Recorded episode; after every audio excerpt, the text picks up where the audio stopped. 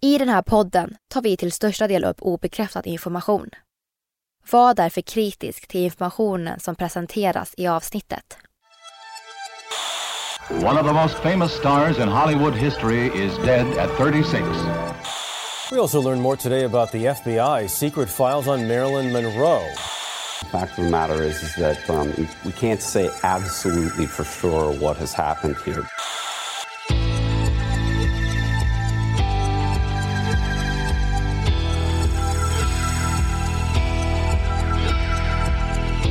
Du lyssnar på konspirationsteorier. En podcast med mig, Vivi. Och mig, Aida.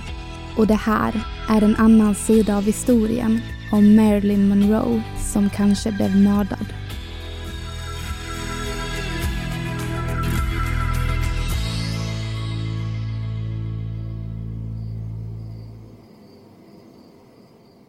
Det är mitt i natten den 5 augusti år 1962. Vi befinner oss i Brentwood i Los Angeles. Natten är olidligt varm och mörk men det lyser från ett av sovrummen i det stora spanskinspirerade huset. Klockan är omkring midnatt och hushållerskan Eunice Murray är vaken. Hon går fram mot dörren som lämnar från sig ett skarpt ljus i det mörka huset. Vad gjorde Marilyn vaken vid den här tiden? Varför lyser det från hennes rum? Eunice Murray blir fundersam och sträcker sig mot dörrhandtaget. Inget svar. Murray tar nervöst fram telefonen och letar reda på Marilyns psykiatrikers telefonnummer. Det var doktor Rolf Grinsen som ville att Eunice skulle spendera natten i huset då Marilyn inte mådde bra. Han kan hjälpa till. Det dröjer inte lång tid innan han anländer till huset som Marilyn ganska nyligen flyttat in i. Strax därefter anländer läkaren Heimel Engelberg. De inser direkt att något inte stämmer och lyckas ta sig in till det låsta sovrummet med en eldgaffel. På sängen ligger filmstjärnan Marilyn Monroe med telefonen i handen. Det råder ingen tvivel. Hon är död. Hollywood har förlorat en av sina största stjärnor. Marilyn Monroes plötsliga död kom som en chock för hela världen. Stjärnan var ju bara 36 år. Trots att utredarna kom fram till att dödsorsaken var självmord så finns det många som ifrågasätter det. Hennes död, som till en början verkade vara ett tragiskt mord skulle snart utvecklas till ett mysterium. En konspirationsteori om mäktiga män, kärleksrelationer och hemligheter. Teoretiker menar att det finns mycket som tyder på att det egentligen handlar om ett mord. Nu är det snart 60 år sedan Marilyn Monroe hittades död i sitt hem. Trots det så kan vi fortfarande inte vara säkra på vad det var som hände natten mellan den 4 och 5 augusti 1962. Varför dog hon? Begick hon självmord? Eller kan det vara så att hon blev mördad? Det ska vi prata om idag när vi ska diskutera en konspirationsteori om skådespelaren Marilyn Monroes mystiska död.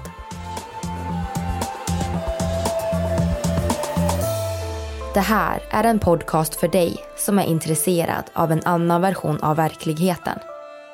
En version som tar upp alternativa teorier, mystiska sammanträffanden och diskussioner om vad som kan vara sant.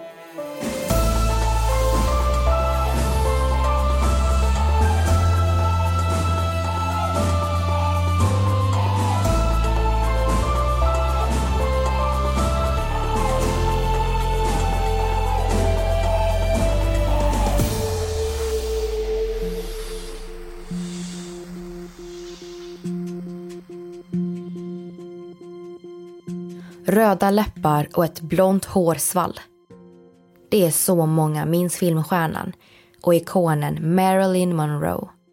Eller Norma Jean Mortensen som hon hette från början. Hon föddes den 1 juni 1926 i Los Angeles och hennes barndom präglades av 12 olika fosterhem där hon även blev utsatt för sexuella övergrepp. Det var en stökig uppväxt. När hon var 16 år var hon och grannpojken så pass förälskade att de gifte sig. Under andra världskriget arbetade hon på en fabrik där hon träffade en fotograf. I en artikel från Expressen kan vi läsa att samma år som hon och maken gick skilda vägar så skrev hon kontrakt med 20th Century Fox. Håret färgade hon blont. Det blev startskottet på en modellkarriär och en ny start i livet. Marilyn Monroe var född. Modellkarriären utvecklades till en filmkarriär och hon gjorde sin första filmroll 1947. Till en början syntes hon i många mindre roller i filmer av bland annat 20th Century Fox och Columbia Pictures. Men hon blev snabbt känd över hela världen och små roller utvecklades till allt större och större roller. Nu var hon Hollywoods nya stora stjärna och hon blev snabbt en sexsymbol. Monroe mottog flera utmärkelser och här hör vi Photoplay Awards från 1953. The glamorous bombshell of the currently showing CinemaScope production, How to Marry a Millionaire, and who soon will be seen in River of No Return, another CinemaScope triumph, is overwhelmed by her designation. Marilyn Monroe, it gives me the greatest pleasure to present the famous Photoplay Magazine Gold Medal Award as the selection of all of the moviegoers of America who have voted you the most popular actress of the year. My congratulations. Thank you, Mr. Sims. I want to thank the editors of Photoplay magazine and Oliver of. I thank you very much.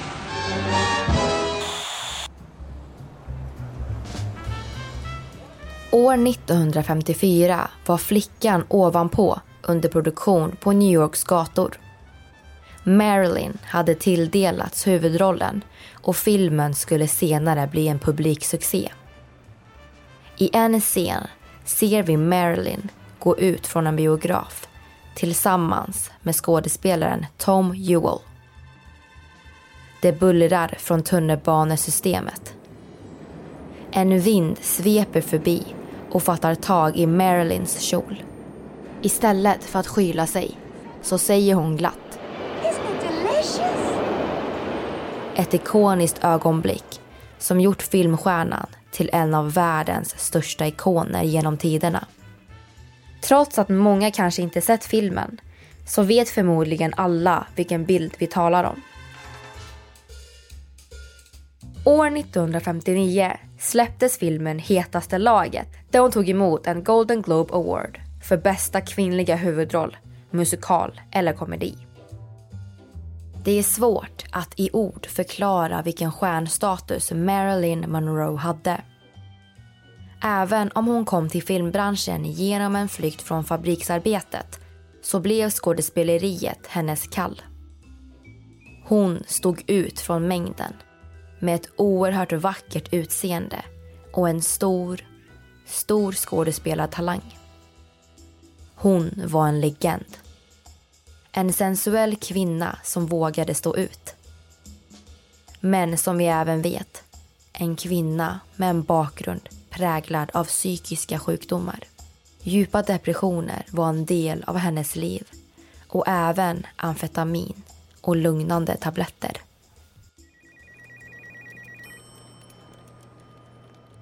Vi är framme vid den varma natten den 4 augusti. Polisen Jack Clemens satt på stationen i Los Angeles när han fick ett samtal klockan 04.25. Även om det var vanligt med busringningar så fick samtalet honom att haja till. Hon är död! Hon har begått självmord! Marilyn Monroe har begått självmord! Polisen Jack Clemens åkte snabbt till platsen där Marilyn Monroe befann sig. Framför honom stod en hushållerska som ledde honom till sovrummet i det stora huset. Framför honom stod två herrar. På sängen låg en naken, livlös kvinna på magen, dold under ett täcke. Hennes blonda hår stack fram. På nattduksbordet och utspritt i sovrummet låg flera tomma pillerburkar som innehöll det narkotikaklassade sömnmedlet Nembutal. Kvinnan hade varit död i flera timmar. Polisen Jack pratade med människorna i huset som visade sig vara Marilyns hushållerska Eunice Murray samt psykiatrikern Dr. Ralph Greenson och läkaren Hyman Engelberg. De berättade att kvinnan dött till följd av en överdos av sömntabletter. Polisen Jack var tyvärr van vid liknande händelser. En sån här varm natt brukade alltid innebära ett ökat antal bråk och självmord i stan. Skillnaden den här gången var att kroppen framför honom låg i en underlig position i sängen som även såg nybäddad ut. Benen var raka och kvinnan låg på mage. För Jack såg det nästan för perfekt ut. Som om kvinnan blivit ditlagd i sängen snarare än att hon dog där. Han fick direkt en dålig magkänsla. Speciellt när han tittade sig omkring i rummet. Pillerburkar, ja. Men inget vattenglas. Här hör vi ett inslag från CBS News med Jim Baker som skrivit boken The Empty Glass om Marilyn Monroes död. Han tar upp en utav utredningens första stora frågetecken. She could have committed suicide, uh, sure. However, the big thing that argues against that was the, the, the, amount of drugs that were found in her bloodstream. In order to have the level of drugs that she had in her bloodstream, she would have had to have taken at least 50 sleeping pills in an incredibly short period of time uh, in order to, to get to that, right? And in addition to that, there was no water glass found in her locked bedroom, and there was no water in her locked bedroom. How does that happen? Det är redan här som frågorna får oss att stanna upp. Och det var inte bara den ovanliga miljön i sovrummet som förundrade polisen Jack. Tidsramen från natten då Marilyn dog gick inte ihop. Hushållerskan Doktorn och psykiatrikern sa att de hade upptäckt den livlösa Marilyn i sängen vid omkring halv ett på natten.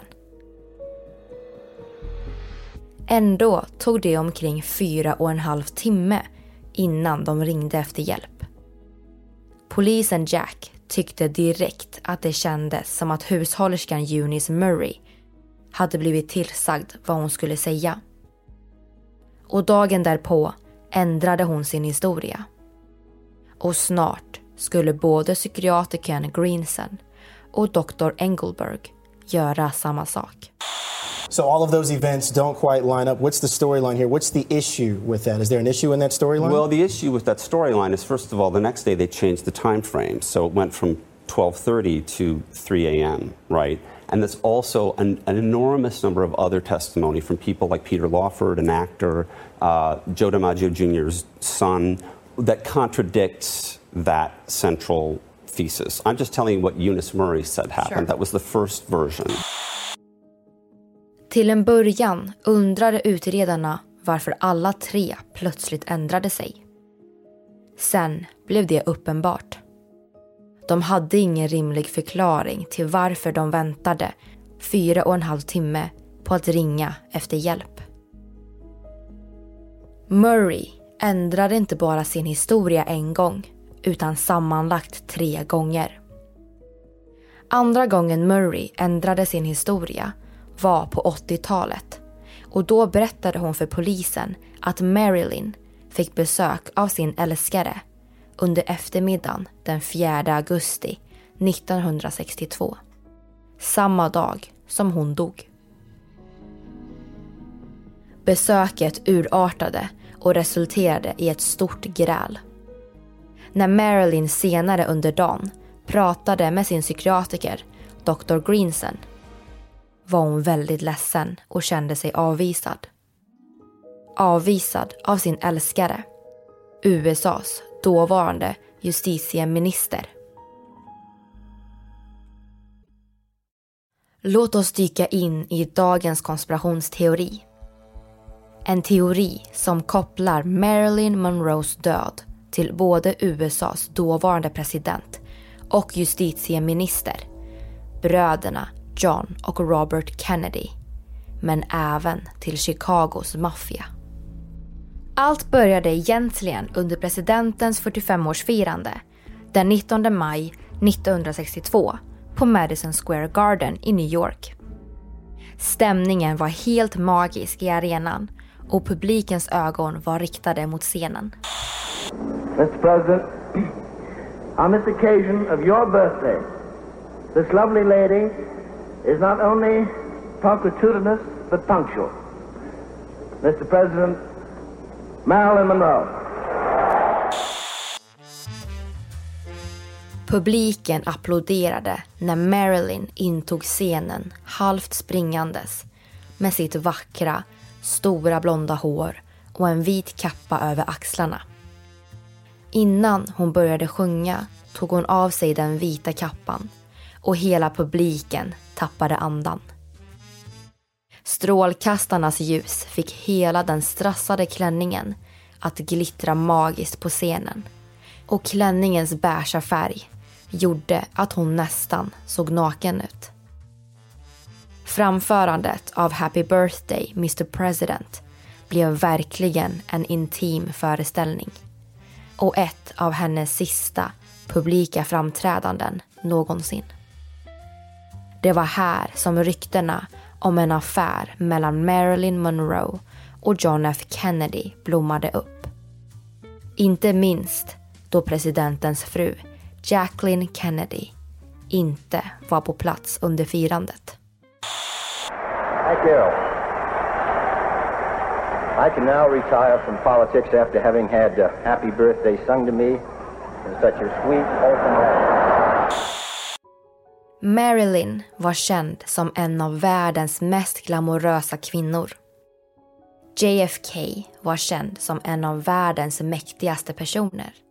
Som bakom kulisserna var otrogen och hade stor aptit för kvinnor och sex. Snart spekulerade hela världen om Marilyn Monroe och USAs president. Det sägs att hon var redo att inta plats i Vita huset.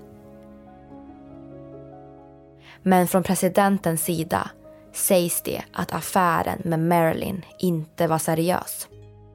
Och han såg till att avsluta förhållandet innan ryktena fick ännu större plats i rampljuset. Och snart hade nytt rykte börjat spridas. Marilyn hade en ny affär med presidentens yngre bror Robert Kennedy.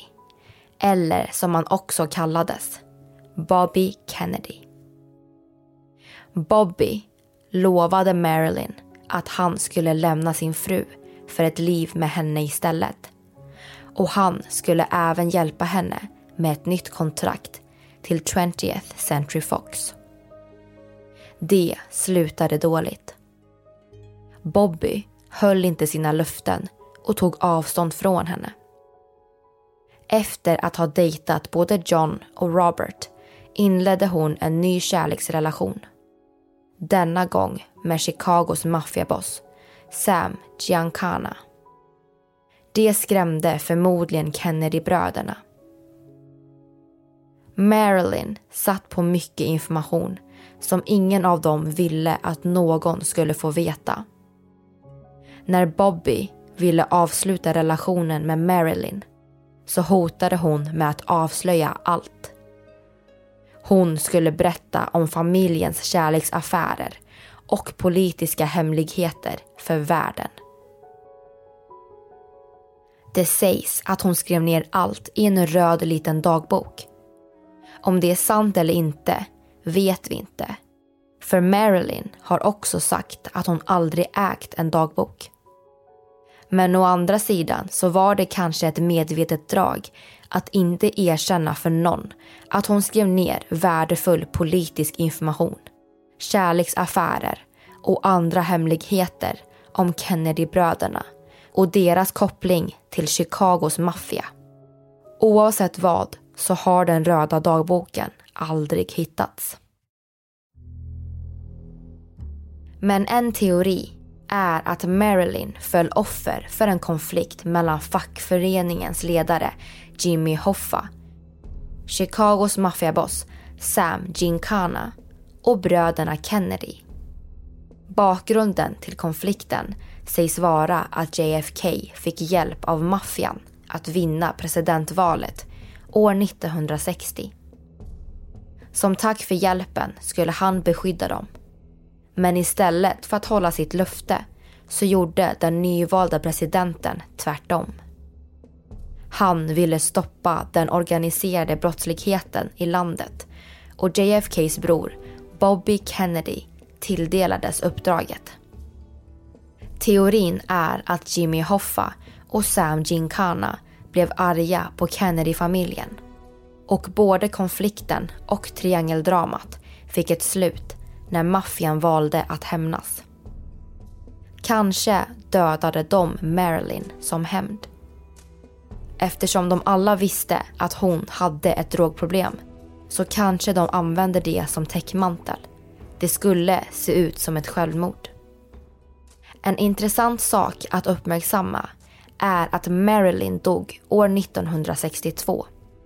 Ett år innan presidenten John F Kennedy mördas på en öppen gata i Dallas. Och fem år senare mördas Robert. Enligt konspirationsteoretiker hade både John och Bobby Kennedy ett starkt motiv att mörda Marilyn och båda har blivit anklagade. Teorierna exploderade efter år 1973 då boken Marilyn, A Biography släpptes av författaren Norman Mailers. Sen boken släpptes har teoretiker varit oerhört fundersamma. Vad hände egentligen under kvällen den 4 augusti 1962? Enligt en tidigare hemlig rapport från FBI år 1964 trodde byrån att Bobby Kennedy faktiskt mördade Marilyn Monroe. FBIs teori var att Bobby kontaktade Marilyns psykiatriker Dr. Rolf Grinson och även Peter Lawford, en vän till Marilyn som även var gift med Bobbys syster Patricia. De tre männen skulle tillsammans komma fram till en plan som gick ut på att tysta Marilyn för gott. Genom dödlig injektion av sömnmedel i hjärtat. Det sägs att Peter Lawford kom på planen. Bobbys roll var att få Marilyn upprörd. Han åkte till hennes hus och besöket slutade i ett gräl. Därefter åkte han till ett hotellrum i San Francisco och väntade. Dr. Rolf Grinsons roll var att manipulera Marilyn under deras terapi och få henne att vilja ta sitt liv. Tanken var att hennes dalande karriär skulle få en ny tändning och att hon skulle bli större. Dr. Greenson berättade att hon inte skulle dö. Han skulle rädda henne i tid. De fick hembiträdet Eunice Murray att hålla sig borta från rummet den natten. Och även om det kan vara ytterligare en slumpmässig händelse så skrev Monroes läkare Hyman Engelberg ut ett nytt recept till henne på 50 sömntabletter dagen innan hon dog. Senare under kvällen ringde Bobby Kennedy till Peter Lawford är hon döden? Bobby Kennedy togs in på förhör. Han nekade att han var i Los Angeles den dagen. Men Peters mamma, May Lawford, har i efterhand berättat att Bobbys helikopter anlände till Peters hus samma natt som filmstjärnan dog. Det lustiga är att akten från förhöret med Bobby Kennedy mystiskt försvann när den skulle skickas för att sen dyka upp igen. Och då saknades flera sidor. Mellan 20.30 och 22.30 den 4 augusti tog hon sitt sista andetag. Och när hon sen hittades hade hon varit död i cirka åtta timmar. Marilyn Monroes kropp fördes till Los Angeles rättsläkarstation för en obduktion. Och här finns också en hel del frågetecken som fått foliehattar att haja till. Rättsläkaren konstaterade att hon dött av en oerhört stor mängd lugnande tabletter. Så pass mycket att mängden hade kunnat ha ihjäl 15 personer. Nu skulle de utreda hur tabletterna hamnade i hennes kropp. Men när organen skulle analyseras så försvann de. Rättsläkaren fick aldrig något resultat och fick order att avsluta arbetet. Vad hade resultatet visat? Att hon svalde tabletterna själv eller att en kanyl användes. Än idag har vi inte kommit fram till hur eller varför hon dog. Men en sak är säker. Oklara vittnesmål, kopplingar till presidenten och en hel del försvunna dokument har gjort att konspirationsteorier alltid kommer cirkulera kring fallet.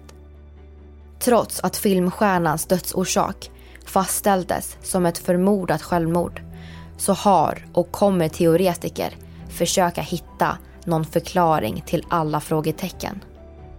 Mördades hon av Kennedy-bröderna som ville säkra att deras hemligheter skulle förbli just hemligheter?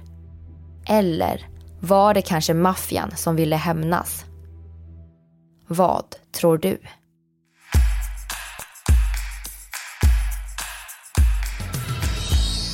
Hej allihopa och välkommen till en ny diskussion. Mitt namn är Vivi. Och mitt namn är Aida. Och idag ska vi diskutera lite om Marilyn Monroes död. Yes, men innan vi hoppar in i den diskussionen så vill Vivi och jag bara informera er alla om lite nyheter.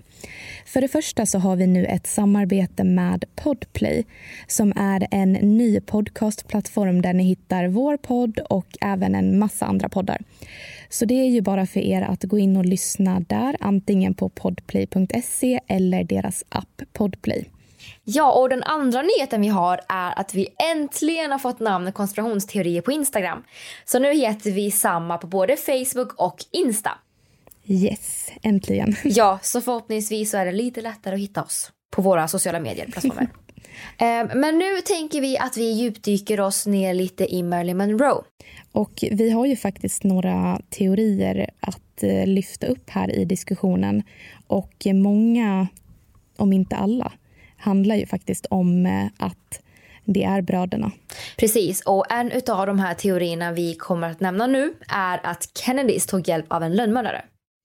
Mm. Och det handlar helt enkelt om att konspirationsteoretiker tror att Kennedy ja, kanske anställde en lönnmördare med medicinsk kunskap för att få det att se ut som att Marilyn Monroe tog livet av sig genom att injicera luft i hennes ådror.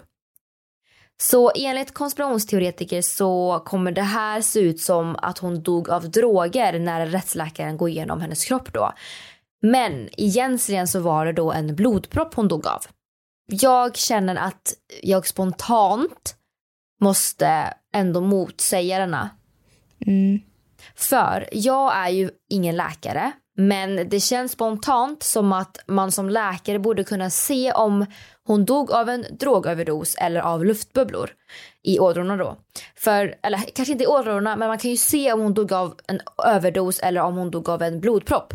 För det finns ju alltid spår av massa ämnen från droger tänker jag som lämnar skador i kroppen och även ämnen i kroppen.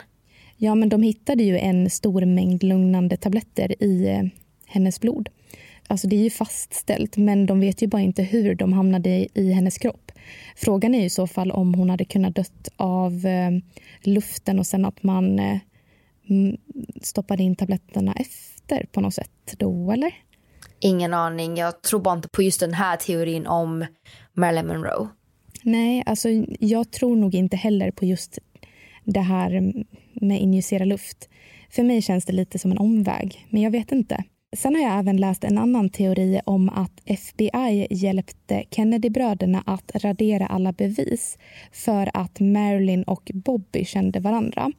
För det fanns en massa bilder på dem, men de såg dem till att de inte fanns någon mer. Då. Och det var ju för att Bobby skulle försvinna som misstänkt.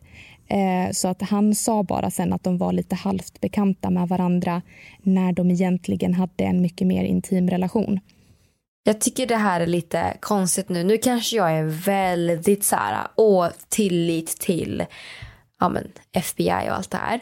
Men vi har ju faktiskt sagt tidigare i det här avsnittet att FBI först misstänkte Bobby Kennedy. Så varför skulle de då vara på hans sida plötsligt? För FBI ska ju skydda landet så varför låter man då en misstänkt mördare gå fri? Och varför väljer man att ta bort bevis för att skydda den här misstänkta mördaren?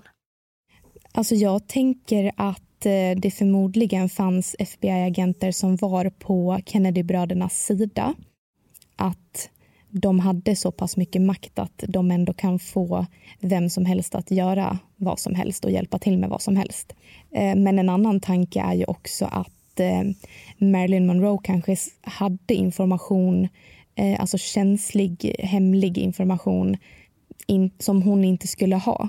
Och då får ju FBI ändå ett annat motiv, för det, då blir det ändå att liksom skydda deras land. Ja, och det är väldigt intressant för när man tänker på FBI så kanske man tänker på CIA. Och en annan intressant teori är faktiskt att CIA såg till att mörda Marilyn för att hon visste för mycket om Roswell. Alltså teorin om att ett ufo kraschade i New Mexico 1947. Och en konspirationsteoretiker vid namn Stephen Greer menar att hon blev mördad för att hon planerade att avslöja allt om incidenten och det hade hon ju fått veta för att Kennedy hade ju berättat det här för henne. Mm. Att han hade sett bevis då att det fanns ja, men, spillror från ett ufo från rymden i en hemlig flygbas som då är Area 51. Och ja, den här konspirationsteoretikern Greer då påstår att det finns klassificerad information från två dagar innan hon dog. Och vi har ett avsnitt som handlar om Area 51 där vi tar upp Roswell-incidenten. Så om ni är intresserade så kan ni såklart lyssna på det avsnittet också efter det här. Um, men i alla fall så menar han att uh, ja, den här informationen fanns då från två dagar innan hon dog. Och enligt honom så ska det också finnas avlyssningar av Marilyn Monroe från dagen då hon dog. Och då hotade hon tydligen med att hålla en presskonferens och berätta för hela världen vad JFK berättade för henne i sängen. Denna informationen var ju då, ja, här har han sett spillror från ett utomjordiskt fordon på en hemlig flygbas som då var Area 51. Men i och med att det här var då klassificerat så eh, blev hon mördad för det. Mm. Nej, men eh, och det är ju väldigt likt eh, det som vi pratade om i tidigare i avsnittet också. Eh, det här med maffian, att hon kanske fick reda på information på den vägen som hon också då hotade att berätta om och att de såg till att mörda henne. Och jag tycker att det låter väldigt, eh, väldigt trovärdigt ändå. För, för, att vara en konspirationsteori eh, så är det väldigt mycket såna här samband. Jag tror faktiskt inte att Marilyn Monroe tog självmord utan det känns som att det var någon som mördade henne. Och hela konspirationsteorin handlar ju om Kennedy-bröderna. Så jag tror att det är någonting med de två. Och henne. Det tror jag med. Och eh, nu vill vi ju såklart veta vad ni lyssnare tycker. Men innan vi fortsätter så finns det också en liten annan teori. Mm. Och den teorin är den teorin är lite mer, vad ska man säga, tråkig. Eller ja, den är ju lycklig för henne antar jag. Ja. Ja, den är lycklig om man är Marilyn Monroe. Men den är ju tråkig för konspirationsteoretiker kanske. Men den teorin handlar om att Marilyn Monroes död var uppgjord. Alltså hon är alltså inte död. Hon, eller hon är ju död nu, men hon dog inte. Utan hon fejkade sin död. Så man tror att hennes psykiatriker Ralph Greenson la in henne på psykmottagningen och det finns teorier om att hon kanske stannar där i omkring 20 år. Eh, alltså man, vi kan ju hoppas, men eh, jag tror inte det. Det tror jag inte heller. För ett, hennes organ försvann. Två, papper eller sidor från Bobby Kennedys förhör är borta. Ja, och tre, de tre vittnena sa en sak och sen ändrade sig för att kunna anpassa så att det passade med tiden och med varandras berättelser. Också superskumt. Så det finns mycket som är misstänksam i hela fallet kring Marilyn Monroe tycker jag. Men kom ihåg att berätta vad ni tror i vår Facebookgrupp konspirationsteorier eftersnack eh, där ni kan gå med för att diskutera och se vad andra tror om eh, teorierna. Precis, och ni får jättegärna gå in på vår Instagram och kommentera där också vad ni tror kan ha hänt. För det gör ni ibland och det är väldigt roligt att se. Och eh, nästa vecka så ska vi ta upp konspirationernas konspirationsteori mm. eh, om New World Order. Eh, så det får ni absolut inte missa. Nej, så tagga till till dess så hörs vi nästa vecka. Det gör vi. Hej då!